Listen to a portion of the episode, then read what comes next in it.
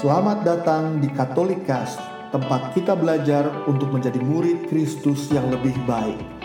Katolikas bertujuan membantu kita semua untuk semakin berakar dalam iman pada Yesus, bertumbuh dalam persaudaraan dengan semua orang, serta berbuah dalam berbagai karya kasih demi gereja, bangsa, dan sesama.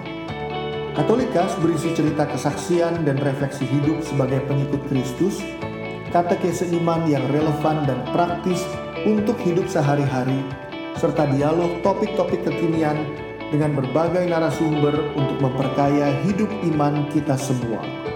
Selamat mendengarkan, Tuhan memberkati.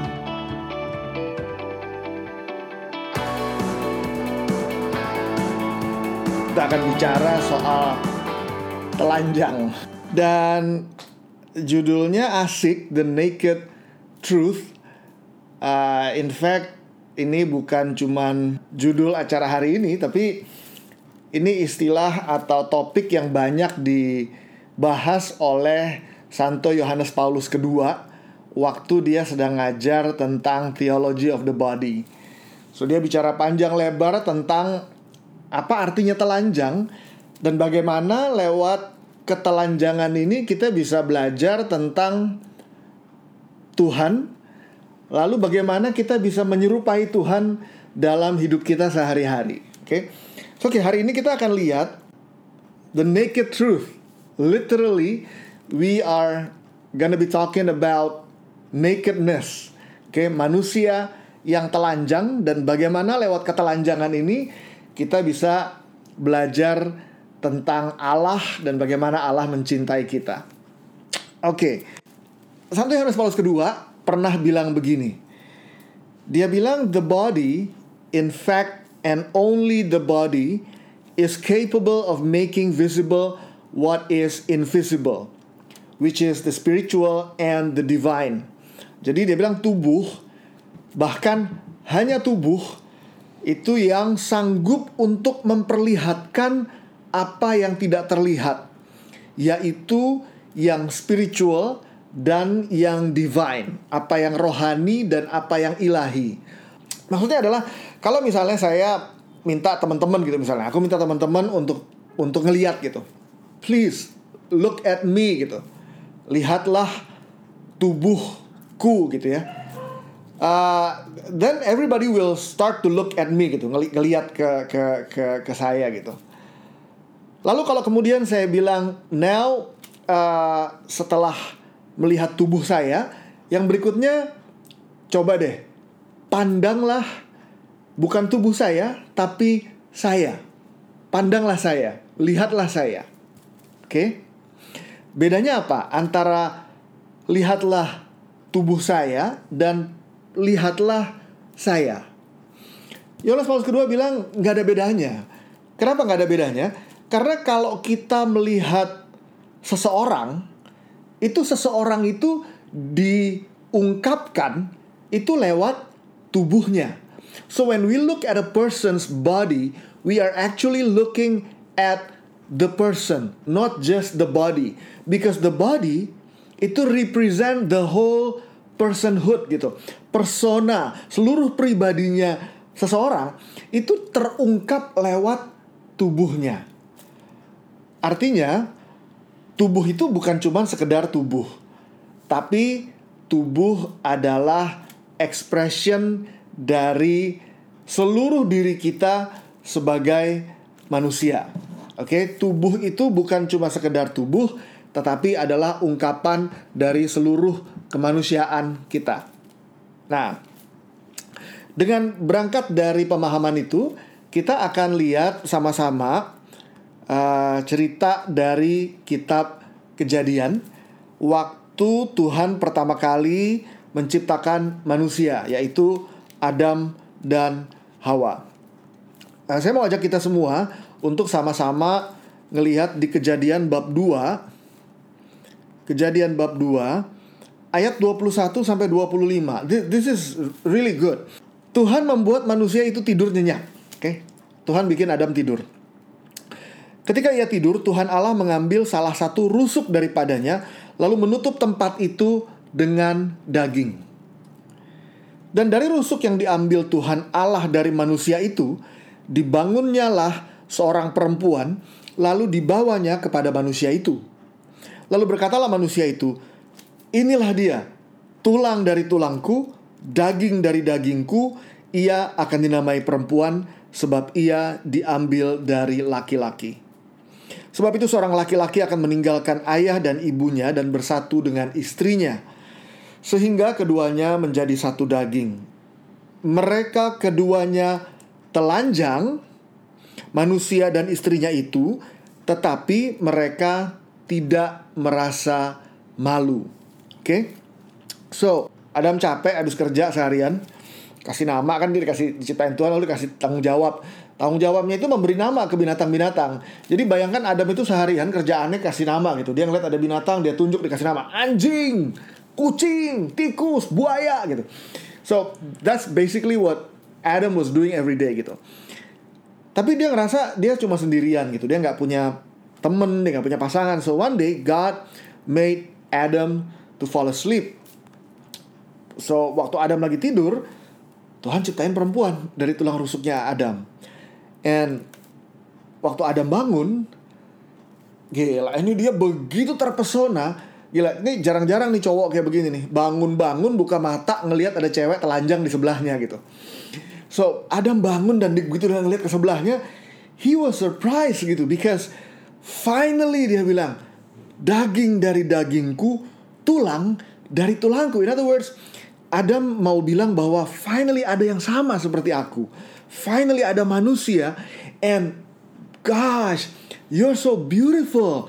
Itu ungkapan sastra zaman dulu gitu, memperlihatkan bahwa kamu tuh sama kayak aku dan kamu tuh begitu indah, kamu tuh begitu you're so beautiful gitu. Diungkapkan dengan istilah tulang dari tulangku, daging dari dagingku. Lalu ayat 25 penting banget, keduanya telanjang, manusia dan istrinya itu, tetapi mereka tidak merasa malu. So when they looked at each other, they knew that they were naked. Tahu, sadar mereka telanjang, tapi mereka tidak merasa malu. Kita lanjutkan ceritanya. Kejadian bab 3 itu adalah kejadian tentang uh, cerita tentang manusia yang jatuh ke dalam dosa. Tuhan bilang, "Semua buah boleh kamu uh, makan kecuali buah dari satu pohon ini." Tapi ular, iblis menyamar dalam dalam rupa ular mendekati Hawa dan menggoda Hawa untuk makan buah itu. Perempuan itu melihat bahwa buah pohon itu baik untuk dimakan. Oke, kejadian 3 bab ayat 6. Lagi pula pohon itu menarik hati karena memberi pengertian. Lalu ia mengambil dari buahnya dan dimakannya dan diberikannya juga kepada suaminya yang bersama-sama dengan dia dan suaminya pun memakannya. Oke, okay? so they knew that they cannot, they, they couldn't eat the fruit karena dilarang sama Tuhan, and yet waktu ular itu bilang kamu nggak akan mati, tapi kamu akan tahu mana yang baik dan mana yang jahat. Hawa tergoda. Lalu dia bilang, hey, that, that sounds good. So, you know, let me just give it a try. Dia bilang, dia ambil, dia makan, lalu dia kasih ke Adam, suaminya. So, mereka berdua makan buah yang terlarang. Ayat 7. Maka terbukalah mata mereka berdua dan mereka tahu bahwa mereka telanjang. Oke, okay? sebelumnya tahu nggak? Tahu, mereka udah ngeliat satu sama lain. They knew that they were naked. But then ada sesuatu yang baru kali ini. Kayak ada satu penyadaran baru gitu bahwa mereka telanjang lalu mereka menyemat daun pohon ara dan membuat cawat. So they try to cover themselves gitu karena mereka kali ini sadar bahwa mereka telanjang. Ketika mereka mendengar bunyi langkah Tuhan berjalan-jalan dalam taman itu waktu hari sejuk, Bersembunyilah manusia dan istrinya itu terhadap Tuhan Allah di antara pohon-pohonan dalam taman. Tetapi Tuhan manus Tuhan memanggil manusia itu dan berfirman kepadanya, "Di manakah engkau?" Ia menjawab, "Ketika aku mendengar bahwa engkau ada dalam taman ini, aku menjadi takut karena aku telanjang. Sebab itu aku bersembunyi." Firmannya, "Siapakah yang memberitahukan kepadamu bahwa engkau telanjang?" Apakah engkau makan dari pohon buah yang kularang engkau itu? So, this issue about nakedness actually matters gitu. Karena ini ditanya sama Tuhan bahwa kamu tahu kamu telanjang ya gitu so there is something about nakedness dan Yohanes Paulus kedua bertanya kenapa tadinya mereka nggak malu sekarang mereka jadi malu? Yohanes Paulus kedua bilang bahwa waktu kita memahami ini, when we truly understand the meaning of nakedness, seperti yang mau disampaikan oleh penulis kitab Kejadian, seperti diinspirasikan oleh Roh Kudus pada uh, penulis uh, kitab Kejadian ini, if we truly understand what it means, then we would understand how God wants us to love. Gimana Tuhan mau kita belajar mencintai pemahaman ini terletak pada soal telanjang. Oke? Sekarang saya tanya ke kita semuanya. Kenapa sih kita malu kalau misalnya kita telanjang? Oke? Kenapa sih kita mau nutupin badan kita kalau kita telanjang karena malu? Oke. Kenapa sih kita malu kalau kita telanjang? Kayak kita nggak pernah lihat aja. Maksudnya kita tahu lah badan kayak begini waktu SD juga atau SMP mungkin kita belajar kok biologi. Tapi kenapa malu? Kita udah tahu kok badan orang dan sebagainya gitu we're adults gitu kita tahu gitu uh, coba bayangkan cerita yang seperti ini kalau misalnya ada seorang cewek ada seorang perempuan dan dia lagi mandi waktu dia lagi mandi dia lupa kunci pintu kamar mandi. Karena mungkin dia cepat-cepat dia buru-buru atau mungkin kuncinya rusak. So anyway dia lagi mandi dan dia mandinya nggak pakai shower pakai bak mandi jadi pakai gayung gitu ya. Jadi waktu dia lagi sabunan nggak kedengeran ada suara. Orang di luar nggak tahu bahwa di dalam kamar mandi ini ada orang yang lagi mandi ada yang lagi pakai kamar mandinya so waktu dia lagi sabunan nggak kedengeran suara sama sekali dari dalam kamar mandi ada seorang cowok lewat depan kamar mandi dia lagi kebelet nih mau pipis, mau buang air. Karena dia cari-cari nggak ada, ada satu kamar mandi, dia cepet-cepet datang ke kamar mandi ini. Karena nggak ada suara apa-apa, dia kira kamar mandinya kosong, dia buka aja langsung pintu kamar mandi. Begitu dia buka, ada cewek di dalam yang lagi mandi. Apa yang cewek ini lakukan? Teriak. Oke, okay? kalau saya lagi bawain ini sharing ini ke teman-teman uh, uh, live gitu, saya tanya gitu biasanya what happened gitu dan sebagian besar akan bilang teriak gitu oke okay. cewek ini teriak ah gitu ya misalnya apalagi yang dilakukan selain teriak mungkin dia akan menutupin badannya atau ada yang bilang timpuk gayungnya ke cowok yang masuk ke kamar mandi ini but whichever yang dilakukan oleh si perempuan ini jelas bahwa perempuan ini atau cewek ini berusaha untuk menutupi tubuhnya karena dia malu Pertanyaannya, kenapa dia malu? Jawabannya begini. Dia malu karena tubuhnya dijadikan objek. Apa maksudnya objek? Objek itu maksudnya begini. Setelah cewek ini teriak, cowok ini akan keluar dari kamar mandi dan sambil dia keluar, dia pergi mungkin sambil dia bilang sorry sorry ya nggak sengaja maaf ya dia keluar. Bayangan cewek yang telanjang ini mungkin stay di pikiran si cowok dan dia mulai berimajinasi tentang tubuh cewek ini. Dan saat dia sedang berimajinasi, mungkin dia menikmati imajinasi tentang cewek telanjang ini. Atau mungkin dia nggak menikmati, mungkin dia melecehkan, mungkin dia ketawa-ketawa, badannya kayak begitu misalnya. Tapi either way, entah dia menikmati bayangan itu atau dia mencela imajinasi itu, apa pun itu, yang pasti adalah dia menggunakan bayangan, imajinasi tubuh si perempuan untuk dirinya sendiri.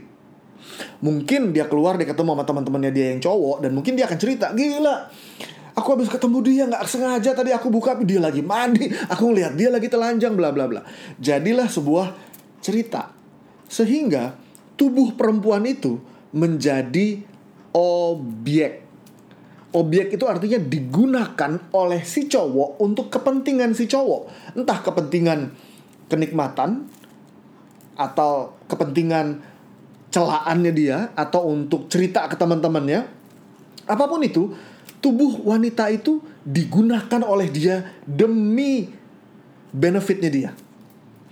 Nah, Yohanes Paulus kedua bilang begini, kalau kita yang hidup di dunia modern ini, dunia yang telah jatuh ke dalam dosa ini, kita memandang orang, lalu kita punya dorongan berdosa untuk menggunakan tubuh orang itu demi kepentinganku, maka kalau sebelum manusia jatuh ke dalam dosa, yaitu Adam dan Hawa, sebelum mereka makan buah, yang terjadi bukan menggunakan tubuh orang lain demi kepentingan diri sendiri atau menjadikan objek, yaitu kebalikannya, which is waktu Adam melihat Hawa telanjang, Adam tergerak untuk memberikan dirinya demi kebaikan si Hawa. Perhatikan bedanya ya. Sesudah jatuh ke dalam dosa, karena pikiran kita sudah dipengaruhi oleh dosa, kotor, noda, dan sebagainya, kita tidak lagi punya kemampuan untuk mencintai secara murni. So instead of giving myself for the good of others, memberikan diri demi kebaikan orang lain, what I do instead, aku menggunakan tubuh orang lain demi kepentingan diri sendiri. I'm using other people's body for my benefit, for my advantage, for my pleasure. Ini yang satu Yohanes Paulus kedua bilang, perbedaan antara love dan lust. Antara cinta atau kasih dan nafsu. Cinta itu memberikan diri demi kebaikan orang lain, nafsu itu menggunakan orang lain demi kepentinganku. Oke? Nah, kita belajar bedanya. Maka dari dari kisah Adam dan Hawa yang tadinya mereka memandang satu sama lain tetapi tidak malu. Kenapa? Karena mereka nggak menggunakan tubuh satu sama lain.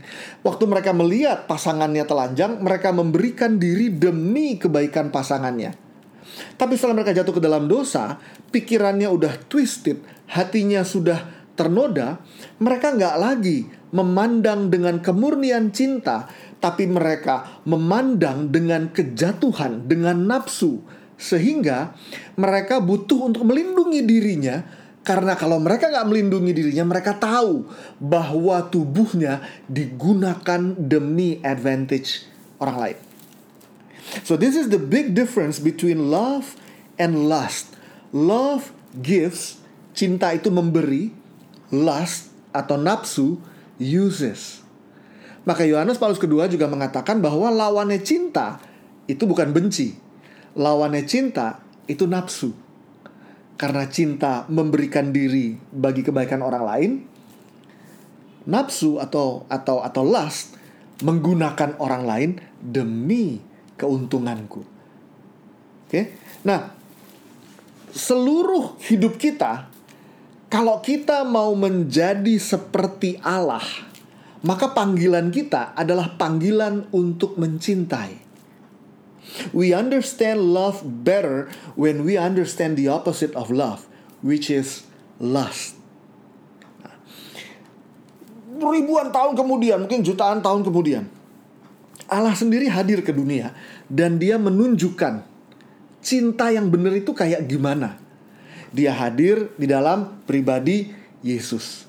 Dan waktu dia hadir dalam pribadi Yesus, ini yang Yesus katakan. Bahkan ini puncak dari dari kehadiran kedatangan Yesus ke dunia. Dia bilang, "This is my body which will be given up for you." Inilah tubuhku yang diserahkan bagimu. Inilah tubuhku yang dikurbankan bagimu. So Yesus memberikan tubuhnya. Waktu dia bilang dia memberikan tubuhnya bagi kita, itu apa sih? Apakah hanya sekedar daging, tubuh? No. He is actually referring to the whole personhood of himself. Karena tubuh, ingat, bukan hanya sekedar daging.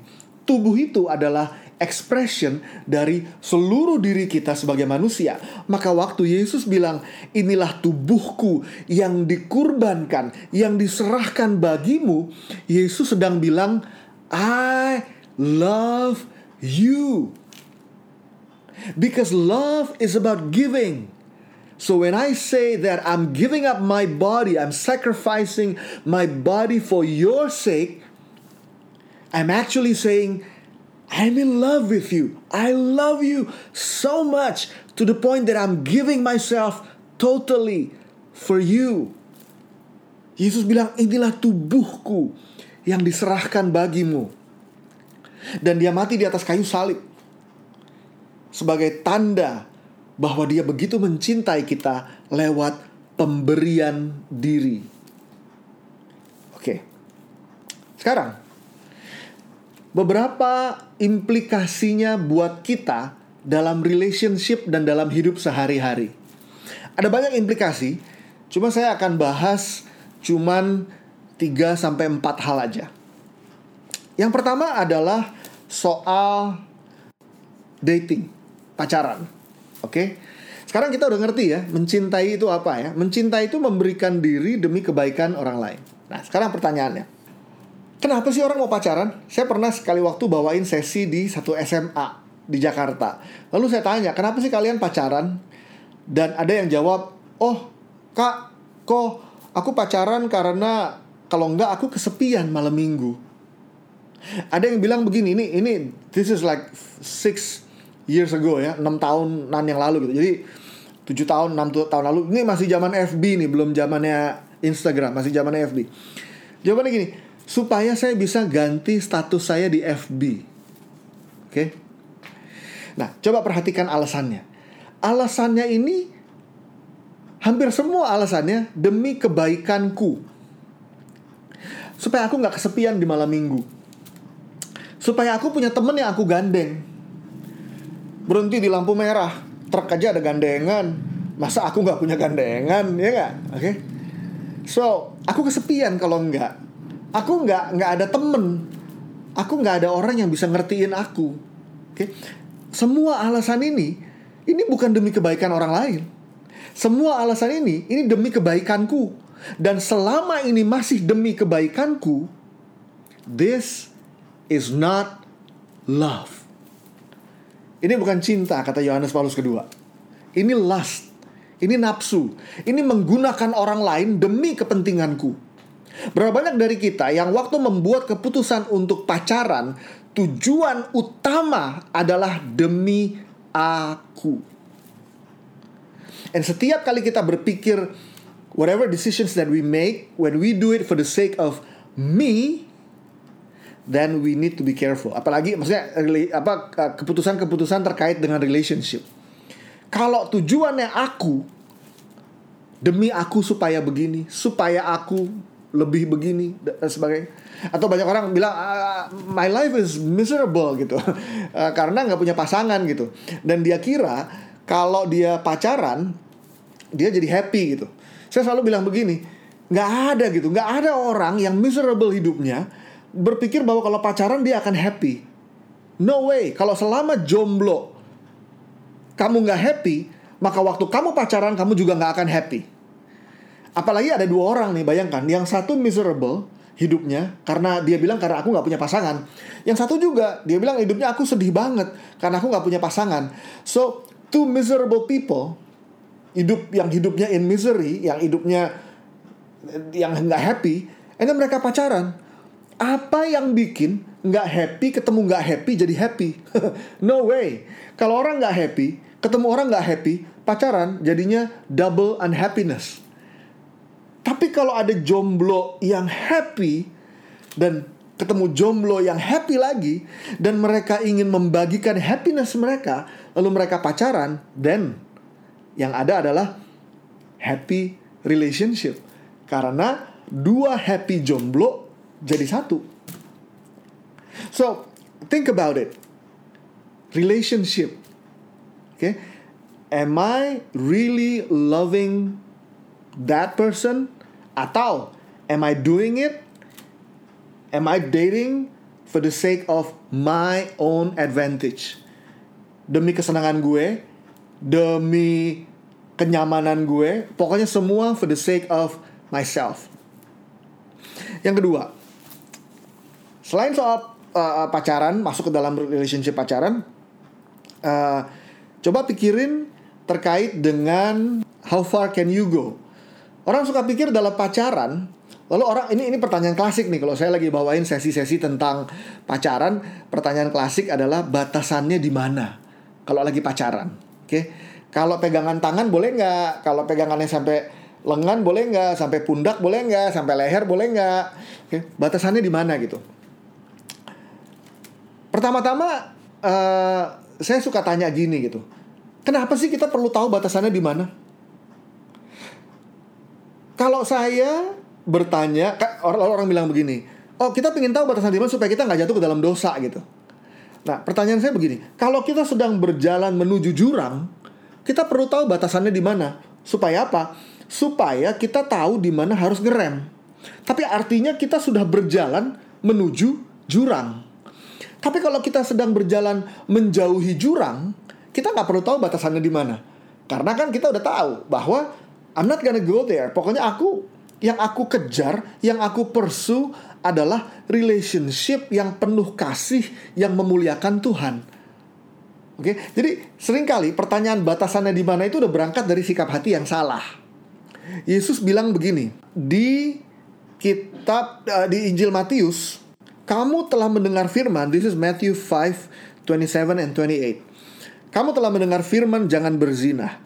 Tetapi aku berkata kepadamu, setiap orang yang memandang perempuan serta menginginkannya sudah berzinah dengan dia di dalam hatinya.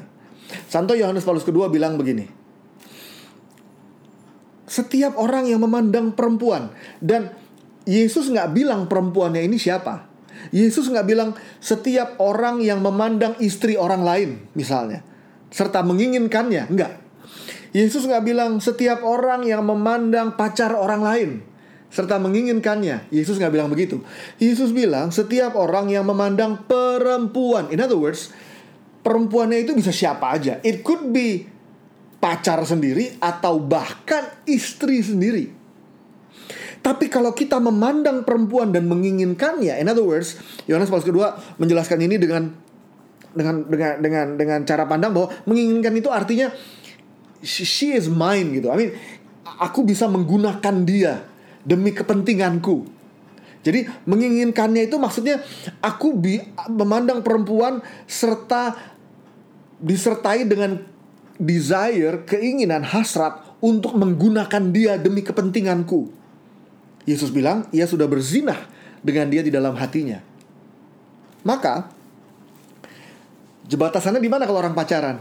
Saya bilang begini, kapan sih yang kalau kita lagi pacaran, kita ngelihat pasangan kita, perilaku apa, gesture apa yang kita lakukan atau yang dia lakukan, yang kalau dilakukan, kalau aku lakukan, aku jadi lust. Aku jadi nafsu sama dia. Aku jadi tergerak dalam lust, dalam dalam hasrat untuk menggunakan dia demi kepentinganku tiap orang beda-beda. Oke, okay? ada yang pegangan tangan nggak apa-apa. Oh, gue pegangan tangan nggak jadi horny kok, pegangan tangan nggak jadi nafsu kok, pegangan tangan nggak apa-apa. Dan it's okay kalau kamu ngerasa kamu pegangan tangan nggak nggak jadi using, fine. Tapi kalau ada orang yang pegangan tangan aja, begitu tangannya kesentuh aja, langsung dari ujung kepala sampai ujung kakinya langsung lust, full of lust gitu. Maka kalau kamu orang yang begitu, then jangan pegangan tangan. Karena bagi kamu, begitu pegangan tangan, kamu langsung tergerak untuk menginginkan dia.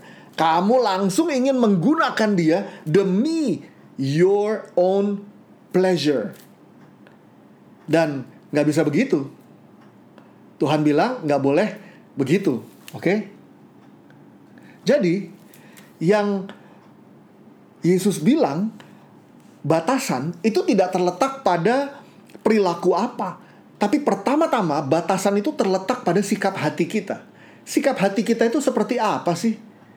Is my heart full of love atau is my heart full of lust?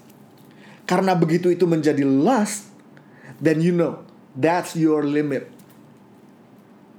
Lalu ada yang bilang begini, oh kalau gitu aku nggak apa-apa dong, aku uh, uh, atau gini dulu deh, cowok-cowok jujur aja deh. Kalau cowok-cowok suka misalnya pegang pegang gandeng tangan ceweknya gitu ya. Dia pegang, naik, naik terus naik. Lalu cowoknya aku mau pegang kamu sayang karena aku sayang sama kamu. Lalu ceweknya pikir bener gitu cowok karena cowoknya gitu sayang lalu di, mulai digrepe-grepe gitu badannya. Kita cowok tau lah kalau kita ngelakuin itu it's because of lust. Bohong kalau ada cowok yang bilang itu karena aku benar-benar mencintai kamu. Kalau aku benar-benar sayang karena aku benar-benar sayang sama kamu. No, I can tell you for sure. Ini buat cewek-cewek yang dengerin. It's not love. Period. It's lust. Kenapa? Karena kita cowok tahu kok. Begitu kita mulai ngelakuin itu, kita tahu kita mulai menginginkan, kita mulai tergerak oleh nafsu, tergerak oleh lust. Dan whenever it's lust, then we know we should stop before that. Kita mesti berhenti sebelum kita sampai di situ. Maka batasannya bagi setiap orang berbeda-beda. Lalu ada yang bilang, wah kalau gitu gimana dong? Kita kan cowok normal. Kadang-kadang aku ngelihat aja udah menginginkan. Aku melihat dia aja rasanya udah last gitu. Dan kalau kamu dengan kamu melihat saja kamu sudah last, artinya you are not ready for a relationship. Kamu gak siap untuk relasi. Kenapa? Karena kamu harus belajar dulu mencintai dengan respect. Mencintai dengan penuh hormat. Mencintai yang sungguh-sungguh ingin memberikan diri demi kebaikan orang lain. Bukan demi personal gain, bukan demi personal pleasure, personal benefit. It's lust, it's not love. Maka kalau ada yang bilang bahwa oh kalau gitu aku nggak apa-apa dong telanjang, aku bisa kok ngelihat dia telanjang dan aku nggak nafsu. Nah, kalau sampai ada yang begitu, mungkin kamu nggak normal. Udah telanjang, terus nggak tergoda dan sebagainya. Dan maybe kalau kamu nggak normal, again, you may not be ready for a relationship. So, teman-teman semua, semua berangkat dari cara pandang apa itu cinta dan apa itu nafsu. Love and lust. Dengan dari cara kita memandang, kita belajar untuk judge our behavior. Perilaku mana yang berangkat dari lust, perilaku mana yang berangkat dari love. Another aspect selain soal modesty, eh, soal soal dating atau soal how far can you go adalah soal modesty. Modesty ini misalnya soal cara berpakaian. Cara berpakaian uh, kata modesty itu di Indonesia nggak ada istilah yang tepat ya. Kalau diterjemahkan di katekismus gereja Katolik itu yang digunakan adalah istilah kemurnian. Uh, padahal mungkin ya nggak nggak tepat 100%. So anyway, I'm I'm gonna use the term modesty. Modesty itu bicara tentang bagaimana kita uh, berperilaku dan berpakaian. Ada cewek-cewek yang buat dapetin cowok, caranya adalah dengan cara pakai baju minimalis misalnya pakai baju yang serba minim, yang low cut, yang pendek segala macam gitu ya. Dia kira dengan begitu dia menggunakan tubuhnya sendiri untuk mendapatkan cowok. Supaya gue bisa dapetin lo, supaya aku bisa dapetin kamu. Is that love? No. Itu juga bukan love, it's lust. Karena dalam hal cewek dia menggunakan tubuhnya untuk mendapatkan cowok. And by the way buat cewek-cewek kalau kamu menggunakan tubuhmu untuk mendapatkan cowok kamu akan mendapatkan cowok yang hanya mau sama kamu karena tubuhmu. Kalau cowok mau sama kamu cuma karena tubuhnya doang dengan gampang cewek lain akan dapetin dia juga. Okay? so modesty uh, bukan cuma cara berpakaian, tapi cara bersikap. Misalnya bercanda-bercanda flirting, flirting-flirting kanan, flirting-flirting kiri. Tujuannya apa? I, I just want to flirt around with people. Happy aja rasanya. Bisa using people for my pleasure. Seneng aja rasanya. Oke, okay? tanpa kita sadar mungkin kita sedang mempermainkan perasaan orang, tanpa sadar mungkin kita sedang membuat orang kecewa dan membuat orang terluka. So, in other words, we are using orang lain for my benefit, for my pleasure. So in that case, again, ini bukan love, ini lust. Ini bukan cinta, ini tapi ini nafsu gitu. Jadi bicara soal naked truth, kita bicara tentang bagaimana Allah menyatakan dirinya lewat tubuh Adam dan Hawa supaya kita belajar membedakan apa itu cinta, apa itu nafsu dan mengungkapkannya dalam hidup sehari-hari.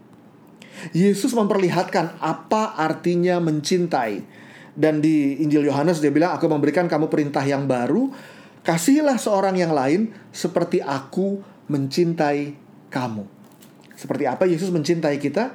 Dengan memberikan dirinya demi kebaikan kita. Maka di dalam setiap relationship, di dalam setiap gesture kita, di dalam setiap cara berpakaian kita, di dalam expression pacaran kita, bahkan nanti kalau udah married sekalipun, kita terus-menerus dipanggil untuk membedakan yang mana yang lust, yang mana yang love, lalu memilih love seperti Yesus mencintai kita. So, dengan demikian, ketelanjangan Adam dan Hawa, their nakedness memperlihatkan kepada kita the truth of God's love sehingga kita bisa belajar mencintai seperti Yesus mencintai. Terima kasih telah mendengarkan podcast ini. Jangan lupa untuk berbagi Katolikas kepada para sahabat dan kenalan kita, supaya semakin banyak orang mengenal kabar gembira Tuhan Yesus, serta mengalami kasihnya yang menghibur, memberkati, dan menguatkan. Terima kasih.